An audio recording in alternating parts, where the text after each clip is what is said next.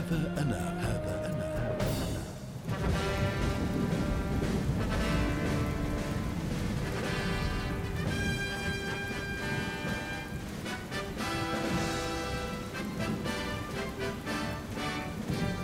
مقاطعة ويست موريلاند في ولاية فيرجينيا الأمريكية. مضى على الشهر الثاني من عام 1732 22 يوما.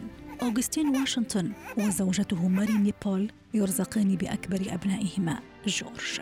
الطفل جورج يتلقى تعليمه في المنزل تحت إشراف عدد من المعلمين قبل أن يدرس في وقت لاحق في المدرسة بشكل غير منتظم. I, Augustine Washington, being of sound mind and body, do assert this to be my true will and testament. الفتى جورج في ربيعه الحادي عشر لقد أصبح يتيما. هو الآن تحت وصاية أخيه غير الشقيق لورنس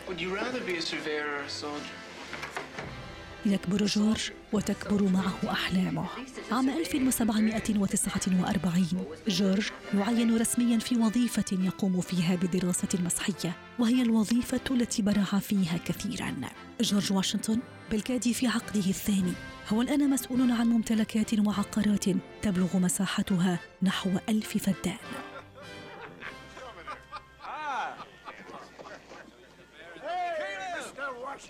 إننا في عام 1760 جورج واشنطن يلتحق بالجيش الإنجليزي الأقوى في الولايات المتحدة في هذه الفترة. قبل أن يتولى قيادة الجيش غربي الولايات المتحدة غداة مقتل قائد الجيش الإنجليزي على يد الجيش الفرنسي.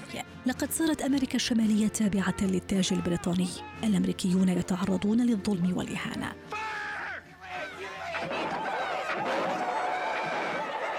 جورج واشنطن يقود ثورة مضادة على الجيش الإنجليزي.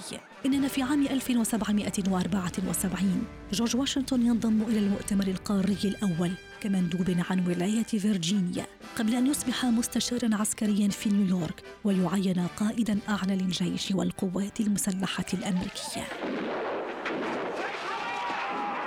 يوليو عام 1775 جورج واشنطن يتولى قيادة الجيش خلال الحصار المستمر لبوسطن. إننا في نوفمبر من عام 1781 الحرب تضع أوزارها والقوات البريطانية ترفع الراية البيضاء معلنة استسلامها بعد ثمان سنوات من القتال. جورج واشنطن يصبح بطلا قوميا. إنه يريد أن يعود إلى الحياة المدنية لكن الولايات المتحدة بحاجة إلى قيادته.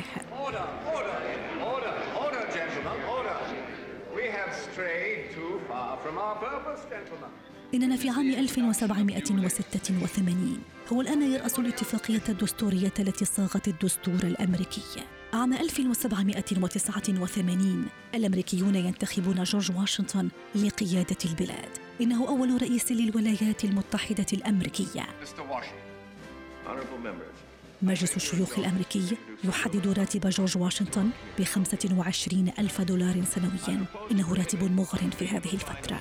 الرئيس الجديد يرفض الراتب معتبرا نفسه خادما لبلده وبعد طول إلحاح يوافق على الأمر.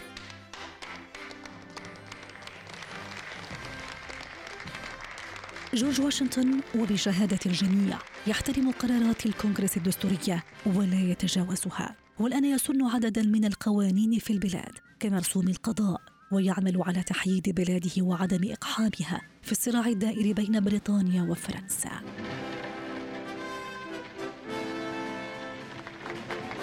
إننا في عام 1792 فترة رئاسته تقترب من نهايتها. أعيد انتخابه بالإجماع لفترة رئاسية ثانية. وبانتهائها عام 1796 كان جورج واشنطن قد سن قانونا رئاسيا. لا يحق للرئيس بموجبه أن يتولى رئاسة البلاد لأكثر من فترتين. وهو القانون الذي انتهجته الولايات المتحدة في وقت لاحق. Gentlemen, with a heart full of love and gratitude, I take my leave of you. عام 1797 الرئيس الستيني يهجر السياسة ويعود إلى مزرعته غير بعيد عن فيرجينيا.